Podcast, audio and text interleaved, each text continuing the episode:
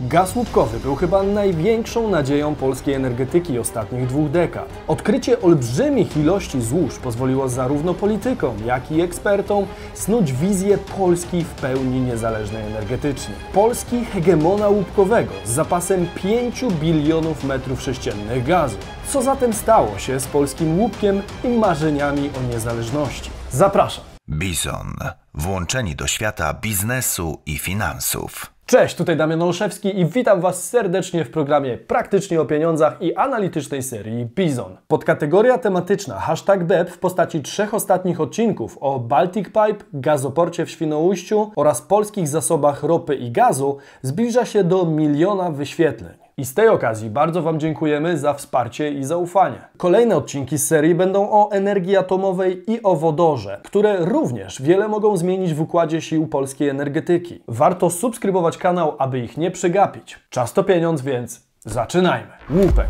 Polska nadzieja energetyczna. Z reguły wszystko co nowe to tak naprawdę dobrze zapomniane stare. Tak było również w przypadku gazu łupkowego w Polsce. Na początku XXI wieku był postrzegany z jednej strony jako alternatywa dla rosyjskiego monopolisty gazowego. Z drugiej strony obiecujące wolumeny złóż gazu pozwoliły wszystkim snuć plany i nadzieje na niezależność i dystrybucję gazu do innych krajów. Jak słodko brzmiała wizja 5 bilionów metrów sześciennych gazu. Liczba ta po raz pierwszy pierwszy zaczęła pojawiać się w historii polskiego gazu łupkowego w Polsce w 2011 roku. Wtedy właśnie ukazał się raport amerykańskiej Agencji Informacji Energetycznej. Zarówno politycy w swoich wystąpieniach, jak i firmy w swoich prezentacjach od razu zaczęli spekulować na temat tej liczby. Polska obecnie postrzegana jest jako jeden z najbardziej obiecujących obszarów występowania gazu łupkowego. Analizy wykonane przez firmy badawcze zajmujące się surowcami energetycznymi wskazują, że złoża tego surowca w naszym kraju można szacować na 1,4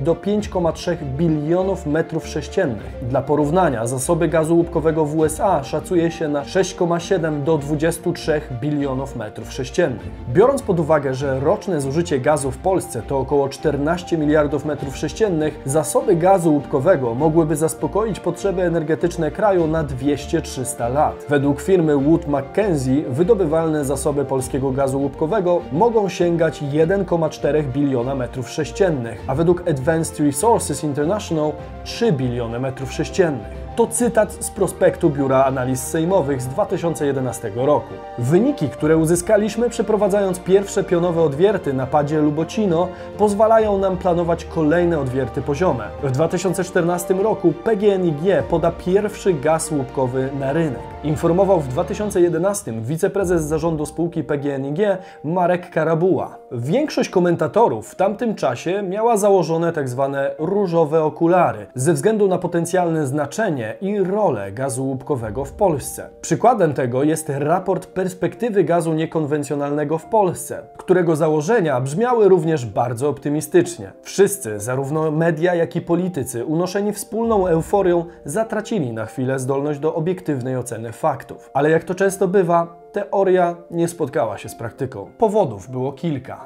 Czym jest gaz łupkowy?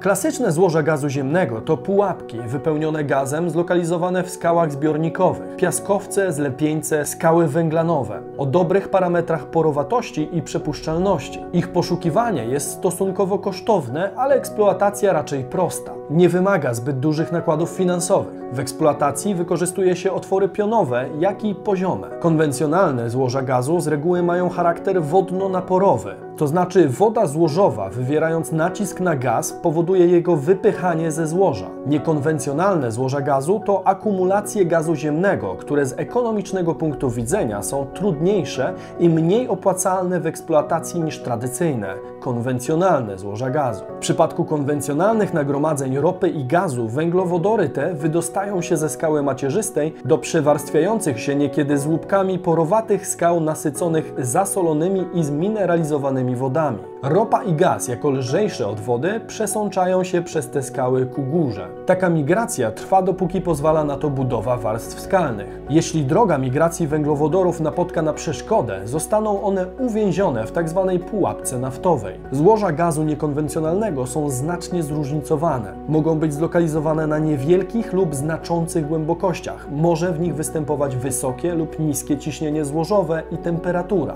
Złoża te mogą również być jednorodne lub heterogeniczne, z naturalnym systemem szczelin lub bez niego, jedno lub wielohoryzontalne. Tym, co odróżnia złoża niekonwencjonalne od konwencjonalnych, są też duże rozmiary przestrzenne i niewyraźnie zdefiniowane granice. Złoża gazu ziemnego w skałach łupkowych charakteryzują się w odróżnieniu od złóż konwencjonalnych bardzo niską przepuszczalnością. Gaz ma ograniczoną zdolność migrowania przez skałę, co rodzi konieczność stosowania zabiegów stymulujących, takich jak szczelinowanie hydrauliczne. Cechują się również niską porowatością oraz niskimi możliwymi obecnie do uzyskania współczynnikami zczerpania, czyli stosunku wydobytego gazu do zasobów geologicznych, w konsekwencji czego wydobywalne zasoby znajdujące się w jednostce objętości skały złożowej są o wiele niższe niż w przypadku złóż konwencjonalnych. A więc co najważniejsze z praktycznego punktu widzenia posiadanych przez nas zasobów, głównym problemem związanym z gazem niekonwencjonalnym nie jest kwestia występowania zasobów geologicznych, tak jak to ma miejsce w przypadku konwencjonalnych złóż, ale możliwość ich przekształcenia w zasoby wydobywalne. Złoża niekonwencjonalne cechują się w związku z tym specyficznym rodzajem ryzyka. Z reguły ryzyko geologiczne jest mniejsze, a ekonomiczno-techniczne większe niż ma to miejsce w przypadku złóż konwencjonalnych. Natomiast komercyjny sukces zapewnia identyfikacja i eksploatacja tzw. Tak sweet spots, czyli obszarów o szczególnie korzystnych parametrach, z których produkcja jest najbardziej opłacalna. Już na tym etapie widzimy, że gaz łupkowy jest dosyć twardym orzechem do zgryzienia. Tak jak wspomniałem Wam już na początku, temat bogactwa płynącego ze złóż łupkowych w Polsce był trochę takim odgrzewanym kotletem, który co kilka, kilkanaście lat trafiał na pierwsze strony gazet. Przyjrzyjmy się zatem chronologii obgryzania nadziei co do gazu łupkowego w Polsce. Gaz łupkowy. Co się wydarzyło? Lata 50. Pierwsze próby szczelinowania w Polsce. 1973 PGNiG Nafta Piła realizuje pierwszy odwiert kierunkowy w Polsce. 1977 w polskim biuletynie Urzędu Patentowego nr 24 1977 opublikowany zostaje patent na sposób i urządzenie do szczelinowania skał, zwłaszcza skał w otworze wiertniczym autorstwa specjalistów z Instytutu Górnictwa Naftowego i Gazownictwa w Krakowie. Wszystkie te próbki nie były przeznaczone do badania przemysłowej produkcji gazu łupkowego. Najważniejsze było w zasadzie odnalezienie złóż gazu łupkowego, a ich jakość i wielkość to już inna sprawa, na którą w tamtym czasie nie zwracano większej uwagi. Przełom nastąpił w roku 2003. Wtedy to na dużą skalę wprowadzono technologię wiercenia otworów poziomych. Pozwala ona na wykonanie większej liczby odwiertów, wykorzystując do tego jeden szyb. Dzięki temu możliwe stało się wydobycie gazu zalegającego na dużym obszarze pod ziemią przy jednoczesnym wykorzystaniu niewielkiego terenu na powierzchni Ziemi. Długość odcinków poziomych może wynieść 600 metrów, a głębokość pionowa, zależna od głębokości zalegania złoża, sięga niekiedy 4000 metrów. Wiercenie odbywa się zazwyczaj w kilku etapach. Podczas każdego z nich w wierconym otworze umieszcza się metalowe rury okładzinowe, które następnie zostają zacementowane do pożądanej głębokości. W kolejnym etapie orurowanie jest węższe i rozciąga się od powierzchni Ziemi do nowego dna odwiertu. Pierwsze koncesje na wydobycie gazu łupkowego w Polsce wydano już w 2007 roku. Prawo na wydobycie gazu łupkowego otrzymały wtedy cztery firmy: Lane Energy Poland, spółka z ograniczoną odpowiedzialnością, ShaleTech Energy, Orlen Upstream oraz Chevron Polska Energy Resources. Łącznie firmy te otrzymały 11 koncesji. W 2008 roku koncesje otrzymały kolejne firmy: Eni Poland spółka ZO, Gora Energy, ExxonMobil Exploration and Production Poland. W 2009 roku wydano już 30 koncesji, a na rynek gazu łupkowego weszło kolejnych 11 nowych graczy. W 2010 Państwowy Instytut Geologiczny pełniący funkcję Państwowej Służby Geologicznej w Polsce nawiązał współpracę z amerykańską służbą geologiczną US Geological Survey zmierzającą do oszacowania zasobów węglowodorów w łupkach dolnego paleozoiku w Polsce przy użyciu metodyki stosowanej przez USGS. Ponadto w 2010 roku wydano nowe koncesje i na rynek weszli jeszcze inni gracze. To samo stało się w 2011 roku. Kolejne 29 nowych koncesji i nowi inwestorzy w gaz łupkowy. Według pierwszego raportu Państwowego Instytutu Geologicznego z marca 2012 roku łączna ilość gazu łupkowego w Polsce wynosi od około 346 do 768 miliardów metrów sześciennych. Za najbardziej aktualny można traktować raport Polskiego Instytutu Geologicznego z początku 2012 roku, wskazujący dane, które zgodnie z metodologią badawczą 3P Proven plus Possible plus Probable można interpretować w sposób następujący. Potwierdzone zasoby gazu łupkowego wynoszą 340 miliardów metrów sześciennych, zasoby możliwe 768 miliardów metrów sześciennych, zaś prawdopodobne 1,92 biliona metrów sześciennych surowca. Trzeba pamiętać, że raport PIG to jedynie szacunki wykonane we współpracy polskich i amerykańskich służb geologicznych. Wykonano je analizując 56 rdzeni wydobytych przy poszukiwaniach złóż węgla, które prowadzono od lat 60. XX wieku. Przypomnijmy, że w szczytowym momencie łupkowego boomu w 2012 roku wydano już 115 koncesji. Zainteresowanie wydobyciem gazu łupkowego w Polsce było więc całkiem spore. Pamiętajmy też o skomplikowanym procesie praktycznej produkcji gazu. Na przykład w USA na niektórych obszarach wykonano kilkadziesiąt wierceń, zanim uzyskano wymagane ilości gazu. Ci geolodzy, którzy mówili, że w Polsce są inne złoża, głębsze, inaczej ułożone, mieli rację.